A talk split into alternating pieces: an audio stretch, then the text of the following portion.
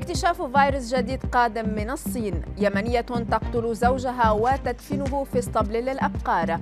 مصرع شاب أثناء نومه بسبب سماعات الأذن. أبرز أخبار الساعة الأربع والعشرين الماضية في دقيقتين على العربية بودكاست. فيما لا يزال العالم يعاني من انتشار فيروس كورونا ومتحوراته اكتشف علماء من الصين وسنغافورة نوعا جديدا من فيروس الجينات الذي يمكن أن يصيب البشر والحيوانات على حد سواء. البوابة المعلوماتية الصينية أو بنباي أشارت إلى أن الفيروس الجديد يطلق عليه اسم لاني وهو ينتقل إلى البشر من الحيوانات البرية. فيما قال علماء صينيون إنهم سجلوا ما مجموعه 35 إصابة بلاني في مقاطعتي شاندونغ وخنان الصينيتين دون ذكر تفاصيل أكثر حول الأعراض والتداعيات. حالة من الحزن تجتاح مواقع التواصل الاجتماعي في الجزائر بعد الإعلان عن مصرع رب عائلة رفقة ابنه البالغ من العمر 11 عاما.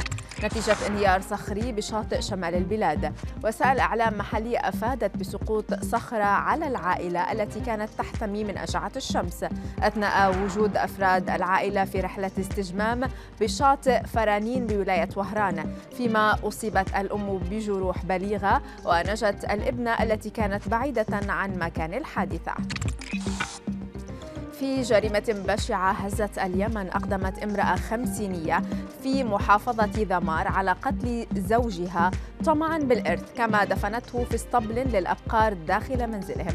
مصادر يمنية أفادت بأن الجريمة وقعت ليلة عيد الأضحى الماضي وتم اكتشاف جثة الزوج بداية الأسبوع الجاري بعد بحث مضن عليه من قبل أسرته بمن فيها زوجته التي ظلت تدعي البحث عليه في محاولة لإبعاد الشبهات عنها فيما عزت تقارير السبب إلى طمع السيدة في ممتلكات زوجها الذي تزوج بامرأة أخرى فخافت الأولى بأن ينجب أطفالا يقاسم أولادها الميراث. والى عالم التكنولوجيا حيث أعلنت شركة تويتر أنها أصلحت ثغرة أمنية. سمحت للقراصنة باختراق أكثر من خمسة ملايين حساب على منصتها وعرض هذه الحسابات للبيع. وسائل الإعلام أوضحت أن هذه الثغرة تسمح لأي شخص باستخدام أي رقم هاتف أو عنوان بريد إلكتروني لأي مستخدم. مع احتمال تعريض هوية صاحب الحساب ومعلوماته الشخصية لخطر القرصنة. فيما أشارت الشركة إلى أن إصلاح هذه الثغرة بعد ستة أشهر من اكتشافها على يد باحث في أمن البيانات والذي حصل على مكافأة قيمتها 6000 دولار.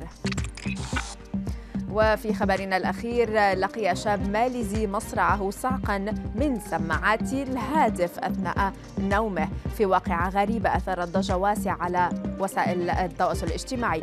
وسائل الإعلام أوضحت أن الهاتف الخاص بالقتيل كان موصولا بالشاحن بينما كانت السماعات في أذنيه طوال الليل مشيرة إلى أن والدته فوجئت به مستلقيا على الأرض عندما كانت بصدد مغادرة المنزل فيما غطت الدماء أذنه اليسرى. كما ظهرت داخلها آثار حروق وهي الجهة التي يبدو أنه صعق من ناحيتها.